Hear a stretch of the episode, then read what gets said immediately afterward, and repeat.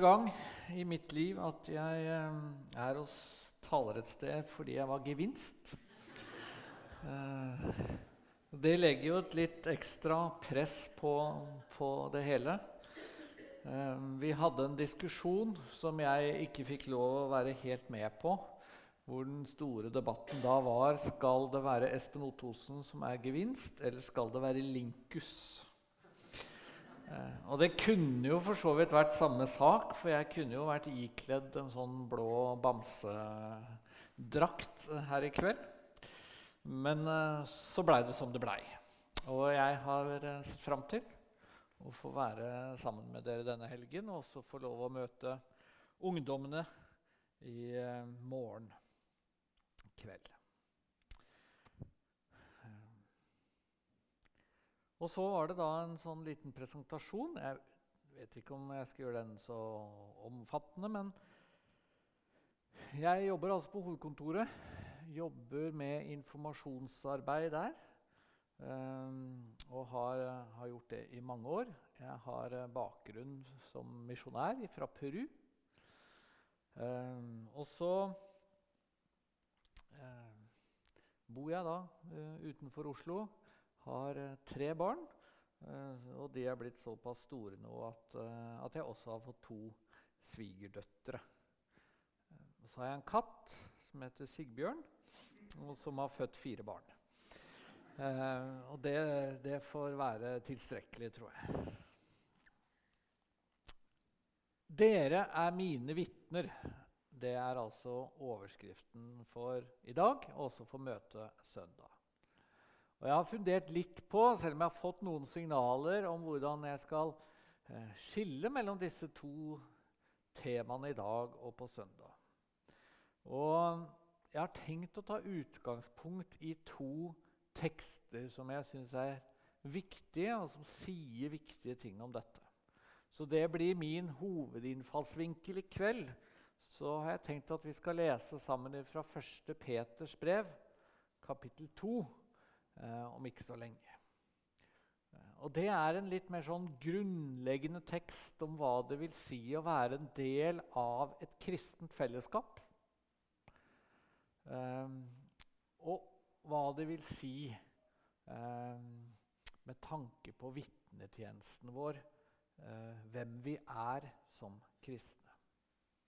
Og På søndag har jeg tenkt å tale over Romerbrevet 15 som i enda større grad er opptatt av vitneansvaret vårt overfor resten av verden. Og så tenker jeg at når eh, temaet altså er 'Dere er mine vitner', og vi skal snakke om det å leve som en kristen i hverdagen, så kjenner jeg meg faktisk litt sånn liten. Eh, kona mi ville sagt og det gjør hun innimellom. At uh, du får for lite trening, du, Espen, på det å leve som et vitne i hverdagen. Fordi når du går til lunsj, da er det veldig sjelden du sitter og prater med noen som aldri har hørt om misjon eller Jesus eller kristen virksomhet. Og Det er jo litt fint. Det hadde vært litt stusslig hvis det på hovedkontoret til Misjonssambandet var slik at når du møtte kollegaer til lunsjprat, så måtte du bruke muligheten til å evangelisere med en gang du fikk sjansen. Men det er faktisk en begrensning også, akkurat det. Og jeg tror det er noen av dere her som antagelig vet mer om meg, i hvert fall på en del områder, om det å leve som en kristen i Norge akkurat nå. Prøve å være et vitne eh, på lærerværelset. Eh, overfor eh, nabo, kollega osv. Men vi skal starte med å lese fra 1. Peters brev. Og vi leser altså fra kapittel 2 og fra vers 4.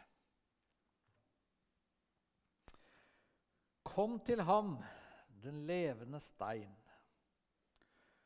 som vel ble vraket av mennesker men er utvalgt og dyrebar for Gud. Og bli også selv oppbygd som levende steiner til et åndelig hus, til et hellig presteskap, til å bære fram åndelige offer, slike som er Gud til behag ved Jesus Kristus. For det heter i Skriften, se, jeg legger i Sion en hjørnestein, utvalgt og dyrebar. Den som tror på ham, skal ikke bli til skamme. Æren tilhører altså dere som tror. Men for de vantro er den stein som bygningsmennene forkastet, blitt til hjørnestein og snublestein og anstøtsklippe. Det er disse som snubler ved sin vantro mot ordet, til det er de også satt. Men dere er en utvalgt ett, et kongelig presteskap, et hellig folk, et folk til eiendom for at dere skal forkynne Hans storhet, Han som kalte dere fra mørket til sitt underfulle lys. Dere som før ikke var et folk, men nå er blitt Guds folk. Dere som før ikke hadde funnet miskunn, men nå har fått miskunn. Det er teksten som jeg har lyst til å bruke denne kvelden til å si litt om det å være vitne, det å være også en del av et kristent fellesskap, et småfellesskap, et bedehus, som vi er. Og Det første jeg hadde lyst til å si litt om ut ifra denne teksten, er jo hva betyr det egentlig å se på seg selv som en kristen? Som en del av et kristent fellesskap. Hva er det vi er for noe? Og kanskje fins det ingen tekst i Bibelen som bruker flere uttrykk, flere forskjellige uttrykk enn denne teksten om det å være en del av et kristen fellesskap, en menighet. Her møter vi i vers 5 så taler Peter om et hus av levende steiner. Han taler om et hellig presteskap i samme vers. I vers 9 taler han om en utvalgt ett, et kongelig presteskap, og han taler om et folk til eiendom.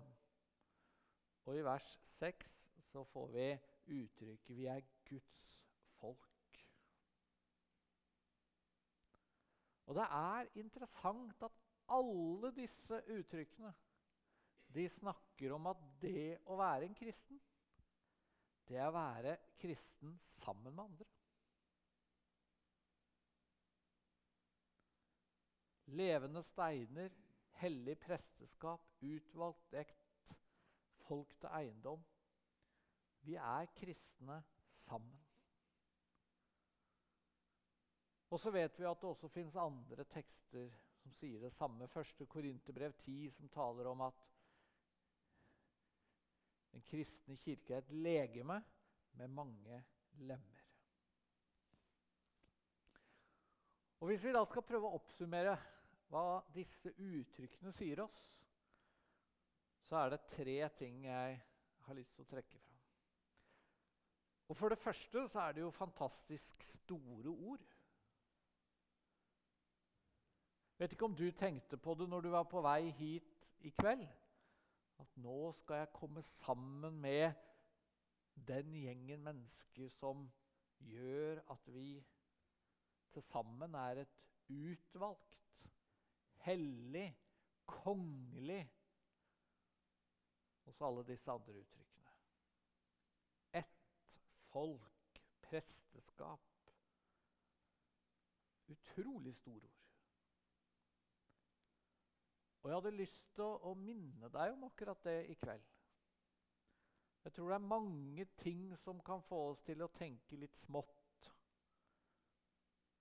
om det å være kristen, om det å gå på bedehuset, om det å ha en bibelgruppe, en misjonsforening hjemme. Og i hvert fall hvis man av og til tenker at vi blir jo litt færre, da. Det er piler som peker nedover i Kristen-Norge, selv om det er mye flott vet jeg, som skjer her i området. Og så har du grunn til å rette ryggen. Du er en del av store ting. Jeg kommer litt tilbake til det. Og så er dette bilder som taler veldig sterkt om hvor avhengige vi er av andre. Særlig dette uttrykket 'et hus av levende steiner', hvor Jesus er hjørnestein. Så skjønner vi at tar vi én stein bort, så faller byggverket sammen. Eller blir i hvert fall stående veldig skeivt og rart. Og så er jo det veldig viktig for Paulus når han snakker om legeme og vi som lemmer, at vi, vi er skapt og kalt til å utfylle hverandre. Og Det er derfor det er så viktig at vi kommer sammen i et kristent fellesskap. I det store, i det mindre, i en bønnegruppe, i en bibelgruppe. Det å være kristen helt aleine, det er jo egentlig et perspektiv du aldri møter i Bibelen. I vår tid, i Norge i dag, så står individualismen veldig sterkt. Det er jeg og meg, og jeg skal ta mine valg som et enkelt menneske. Og av og til skal du det, men som kristen så er det en hovedsak at du hører sammen med alle de andre som tror på Jesus. Du trenger de, og de trenger deg. Og skal du være et vitne, og overskriften vår 'Dere skal være mine vitner' Han sier ikke 'du skal være mitt vitne'. Dere skal være mine vitner. Det er et budskap til et til en gjeng, til en gruppe, som sammen skal vitne om Jesus.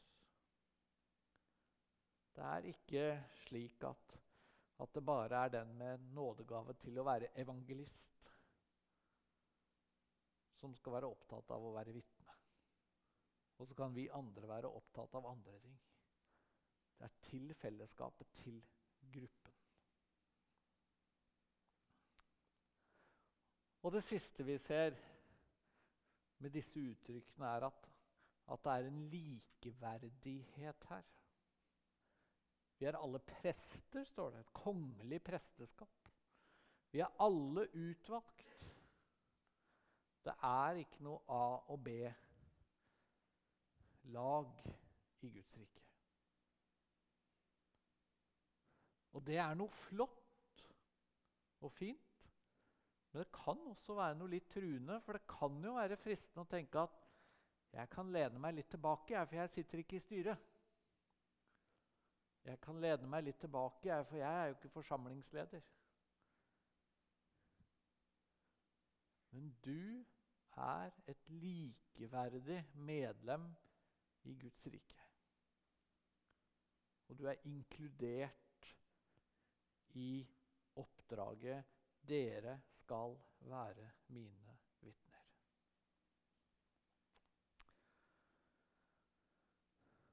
Og så er det altså veldig, veldig store ord. Utvalgt, kongelig, hellig folk. Hvordan kan man gå rundt og si noe sånt om seg selv? Og da sier jo denne teksten til oss at vi kan altså kalle oss for kongelige og utvalgte og hellige og alt dette. Ikke fordi vi grunnleggende sett er dette. Ikke fordi vi alltid fremstår som så hellige og så fromme og så kongelige. Men teksten slutter jo med at Peter skriver dere som før ikke hadde funnet miskunn, men nå har fått miskunn. Du er en del av et hellig folk.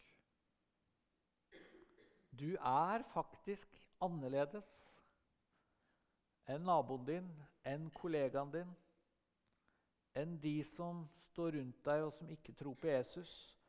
Du er grunnleggende annerledes. Men annerledesheten skyldes at du har fått miskunn. Ikke noe annet. Du er vasket ren. Fordi dine feilgrep, dine synder, dine svakheter tok Jesus med på korset. Det er det grunnleggende. Men så skal du leve som et hellig menneske. Det er kallet. Og det er faktisk sånn dette kapitlet begynte. Jeg begynte å lese i vers 4, men vi skal ta med oss vers 1 også. Hvor, starter, hvor Peter starter med å si Legg derfor av all ondskap, all svik og hykleri, misunnelse og all baktalelse. Slik starter han. Og det er altså alvorlig ment.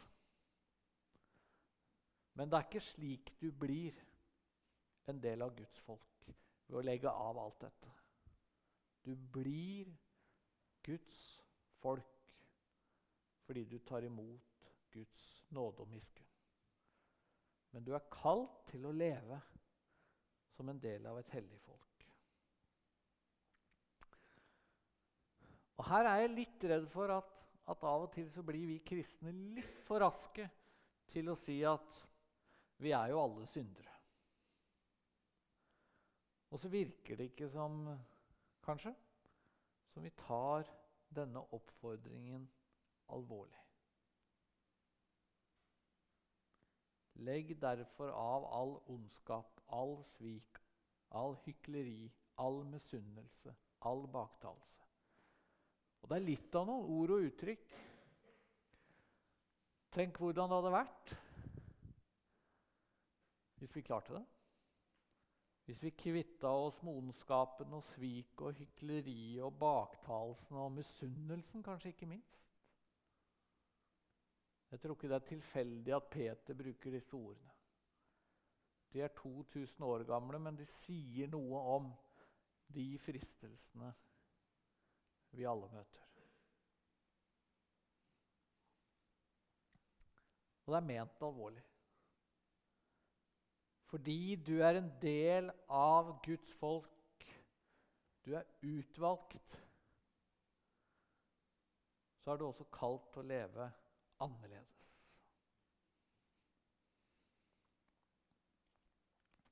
Men det er altså ikke det at du lever annerledes, som gjør deg til Guds folk. Det er interessant at bare på de få versene vi leste sammen, så sier Peter på mange ulike måter hva som gjør deg hellig. Han taler om miskunn, som vi allerede har lest. Og så leste vi i vers 6.: Den som tror på ham, skal ikke bli til skamme.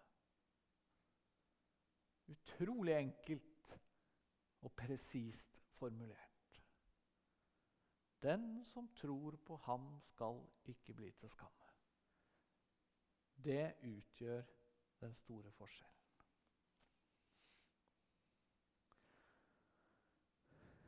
Og så kan vi gå videre og snakke om hva vi skal som Guds folk, som en utvalgt som et kongelig presteskap. Hva er oppgaven vår? Og Det står det også en del om i denne teksten. Vi har vært inne på noe allerede. Oppgaven vår er å legge av ondskap, svik, hykleri, misunnelse, baktalelse.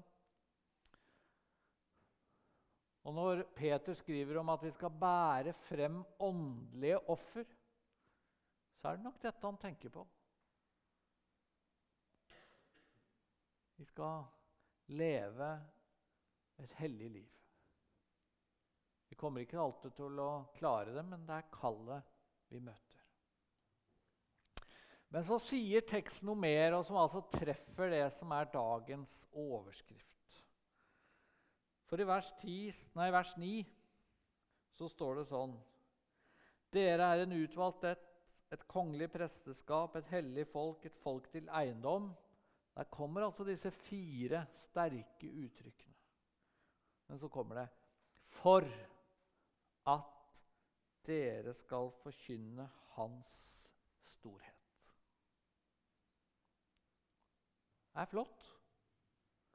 Vi er gjort til et kongelig presteskap, utvalgt rett, hellig folk, for at vi faktisk skal gjøre noe. Vi skal ikke bare komme hit til misjonssalen, til et bedehus, til en bibelgruppe eller hva du nå er med i, og sitte og være enige om hvor godt det er at vi er alt dette. Vi skal forkynne Guds storhet. Og det er altså en oppgave som er gitt hele Guds folk. Det står så utrolig klart. Dere er en utvalgt ett. Dere er et kongelig presteskap. Det gjelder alle kristne for at dere skal forkynne Guds storhet. Det betyr jo ikke at alle har de samme nådegavene, at alle skal ha de samme oppgavene. Vi skal fortsatt utfylle hverandre, vi er fortsatt forskjellige. Men grunnoppgaven står vi faktisk sammen om.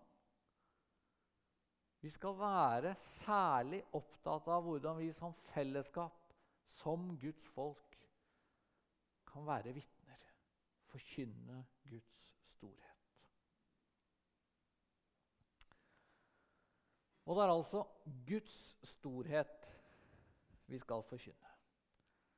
Vi skal ikke forkynne vår egen storhet. Vi skal ikke gå ut og forkynne at vi er et hellig folk, et utvalgt rett.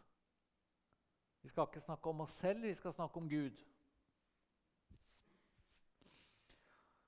Og så tenker du kanskje at ja, det er jo enda godt.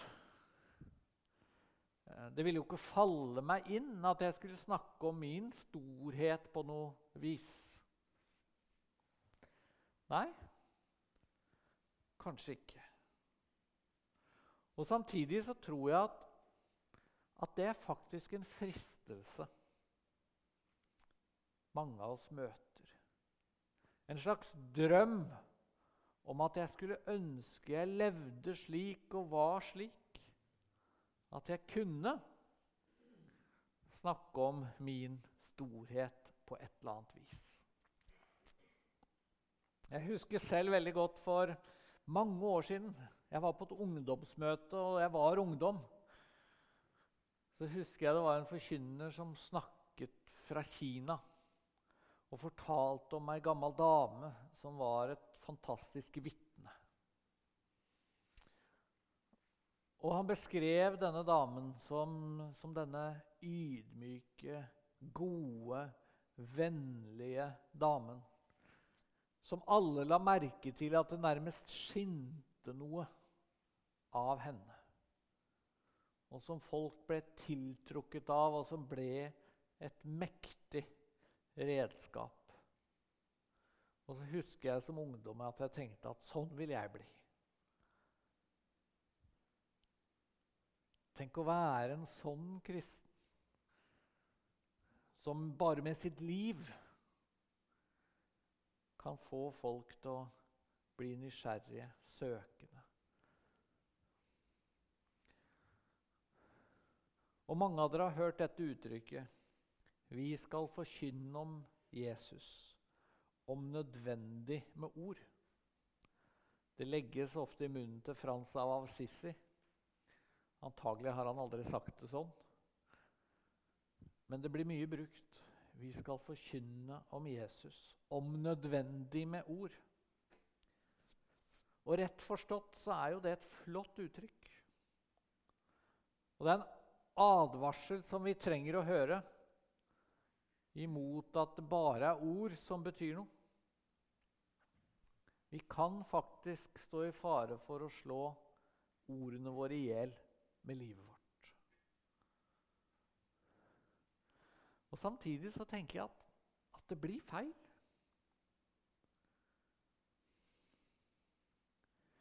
For hvis vi skal forkynne om Guds storhet, så må vi jo bruke ord. Hvis vi skal være vitner som peker på Jesus, så må vi faktisk snakke om hva Jesus gjør for oss. For hvis vi går rundt og tenker Og som sagt, jeg tror det er en liten fristelse at jeg skal formidle Guds storhet uten å si så mye, så blir jo lett tanken at, at jeg vil fortelle om hvordan Gud gjør noe i mitt liv, hvordan Gud gjør noe i meg, gjennom meg. Men det viktigste Gud gjør for deg og meg, det viktigste med Guds storhet er jo ikke det han gjør i deg, men det han gjør for deg. Guds storhet er først og fremst knyttet til at du får miskunn hver dag. Hans nåde er ny hver morgen.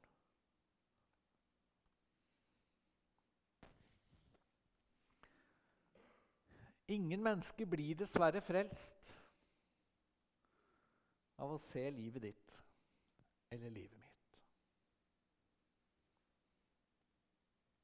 Og Derfor er det nødvendig med ord alltid. De blir ikke frelst fordi de, de får jo faktisk ikke høre da, om Han som døde for syndene deres. Og så er det jo slik at ditt liv og mitt liv er det alltid noe i veien med. Selv den frommeste og mest helliggjorte kristne kan mennesker finne noe ved som ikke holder mål. Og Derfor må jo budskapet være til mennesker rundt oss at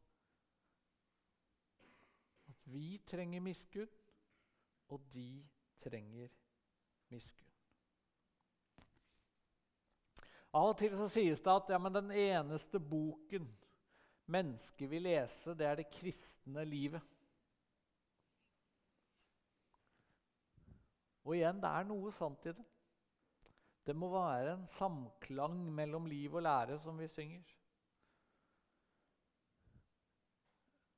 Men plutselig så kan vi rammes av den advarselen vi møter i vers 1 i teksten, om hykleriet. Hvis vi tenker at, at vi nærmest skal være reklameplakater for Gud At vitnesbyrdet vårt er å formidle til naboen, til kollegaen, til tante, til onkel eller til barna våre at vi er kristne fordi det gjør oss så usedvanlig tilfreds.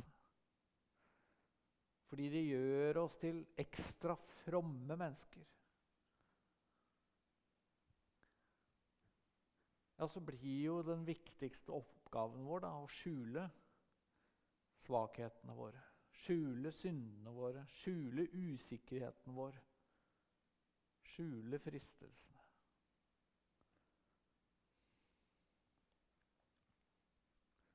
Og det skal vi passe oss for.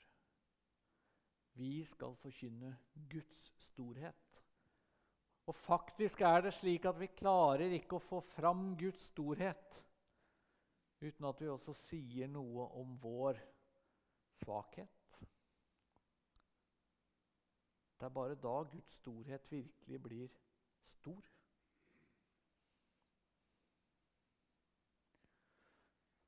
Og så vil vi møte mange mennesker som er skuffet over kristne. Kanskje er de ikke skuffa over akkurat deg. Men det er mange av oss som har møtt mennesker som sier noe i retning av at ja, ja, du virker jo ikke så verst, da. Men nå skal du høre hva jeg opplevde da jeg Og så kommer det en eller annen historie som har skapt et sår, som har skapt en skuffelse. Og da er det viktig å få fram at, at ingen trenger å bli kristne, eller ingen bør bli kristne fordi det kristne fellesskapet er perfekt. Fordi vi faktisk fremstår som hellige. Vi skal bli kristne. Vi trenger Jesus fordi Guds storhet er slik at han gir miskunn hver dag.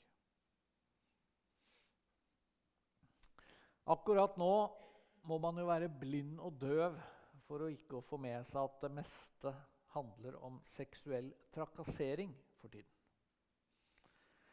Og det er jo slik at én politiker går av i døgnet eh, for tiden. Og kanskje er det noen, og jeg har vel vært der selv innimellom, og tenkt at åh, det er jammen deilig at, at det for tiden ikke skrives noe om kristne.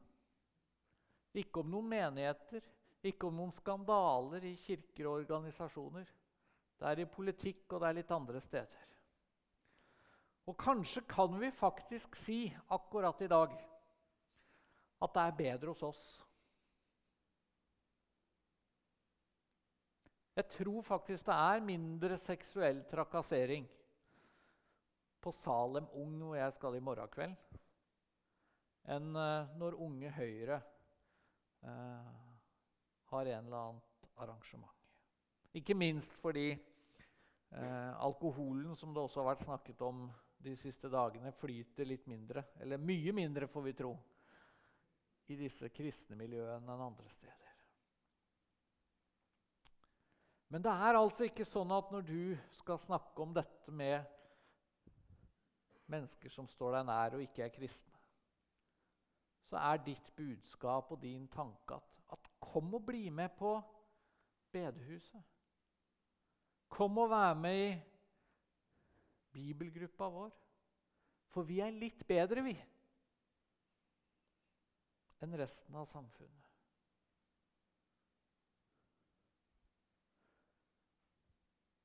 For da kommer de til å bli skuffa.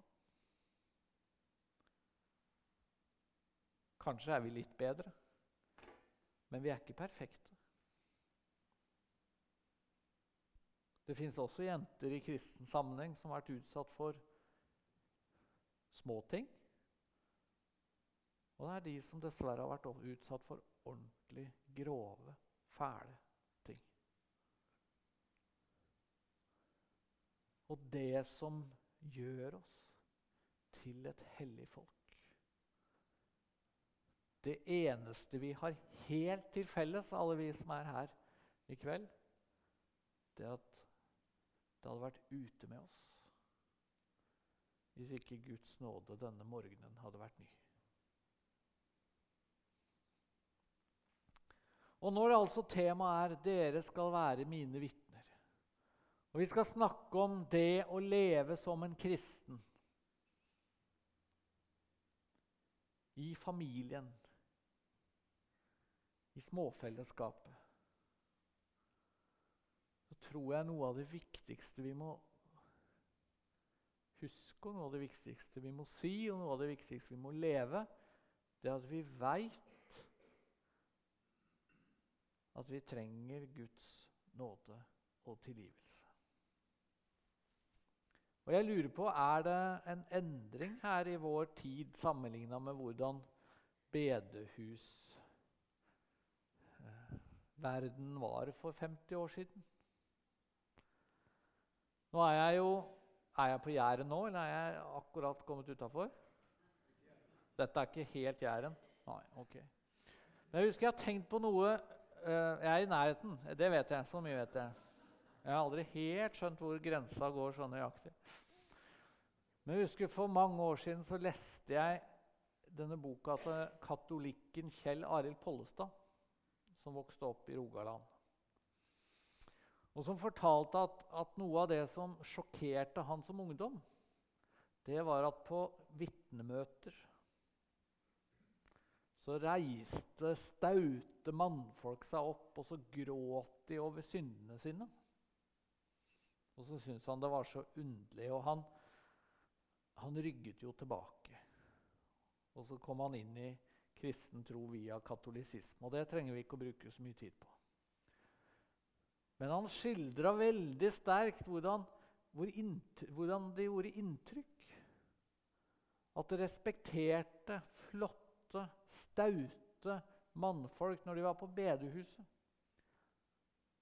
Så var de veldig opptatt av at de var store syndere. Selv om det var flotte, rakrygga mennesker.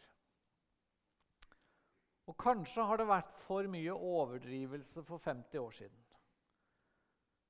Kanskje skjønte ikke folk utenfor bedehuskulturen hvordan man kunne snakke om å være så stor synder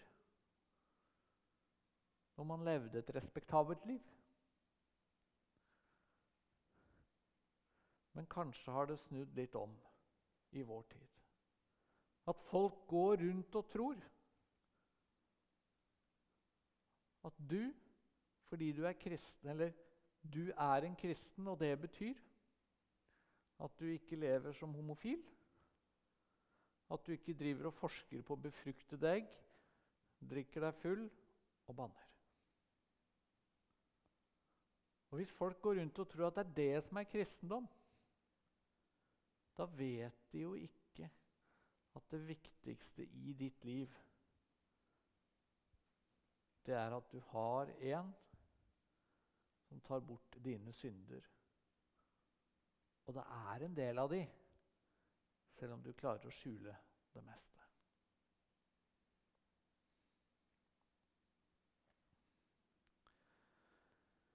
Jeg skal slutte med et, et lite bilde, en liten illustrasjon, som jeg har tenkt på veldig mye, og som Leif Andersen har presentert i en bok.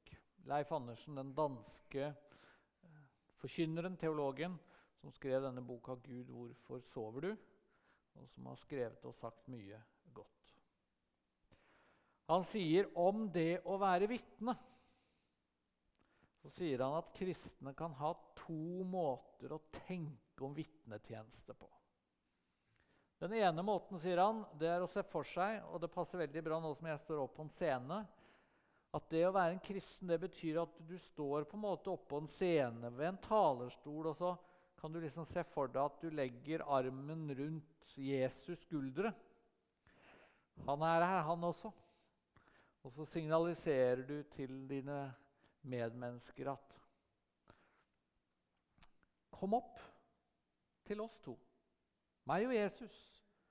Kom opp og bli en del av det fellesskapet vi har.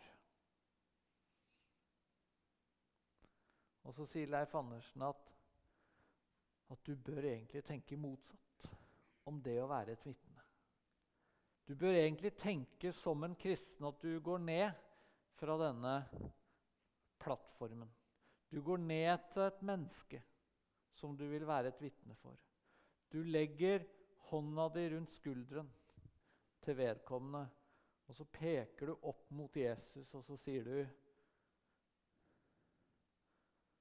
skal vi gå opp til Han som kan frelse oss begge.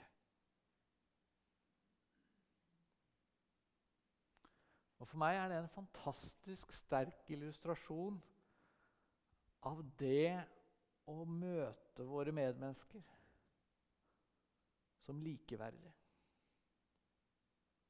Ja, vi er et utvalgt folk. Et hellig presteskap. Men dessverre så er det slik at det folk ser, er at vi er feilende mennesker. Og så må vi fortelle dem at den eneste som kan redde oss alle, det er Jesus.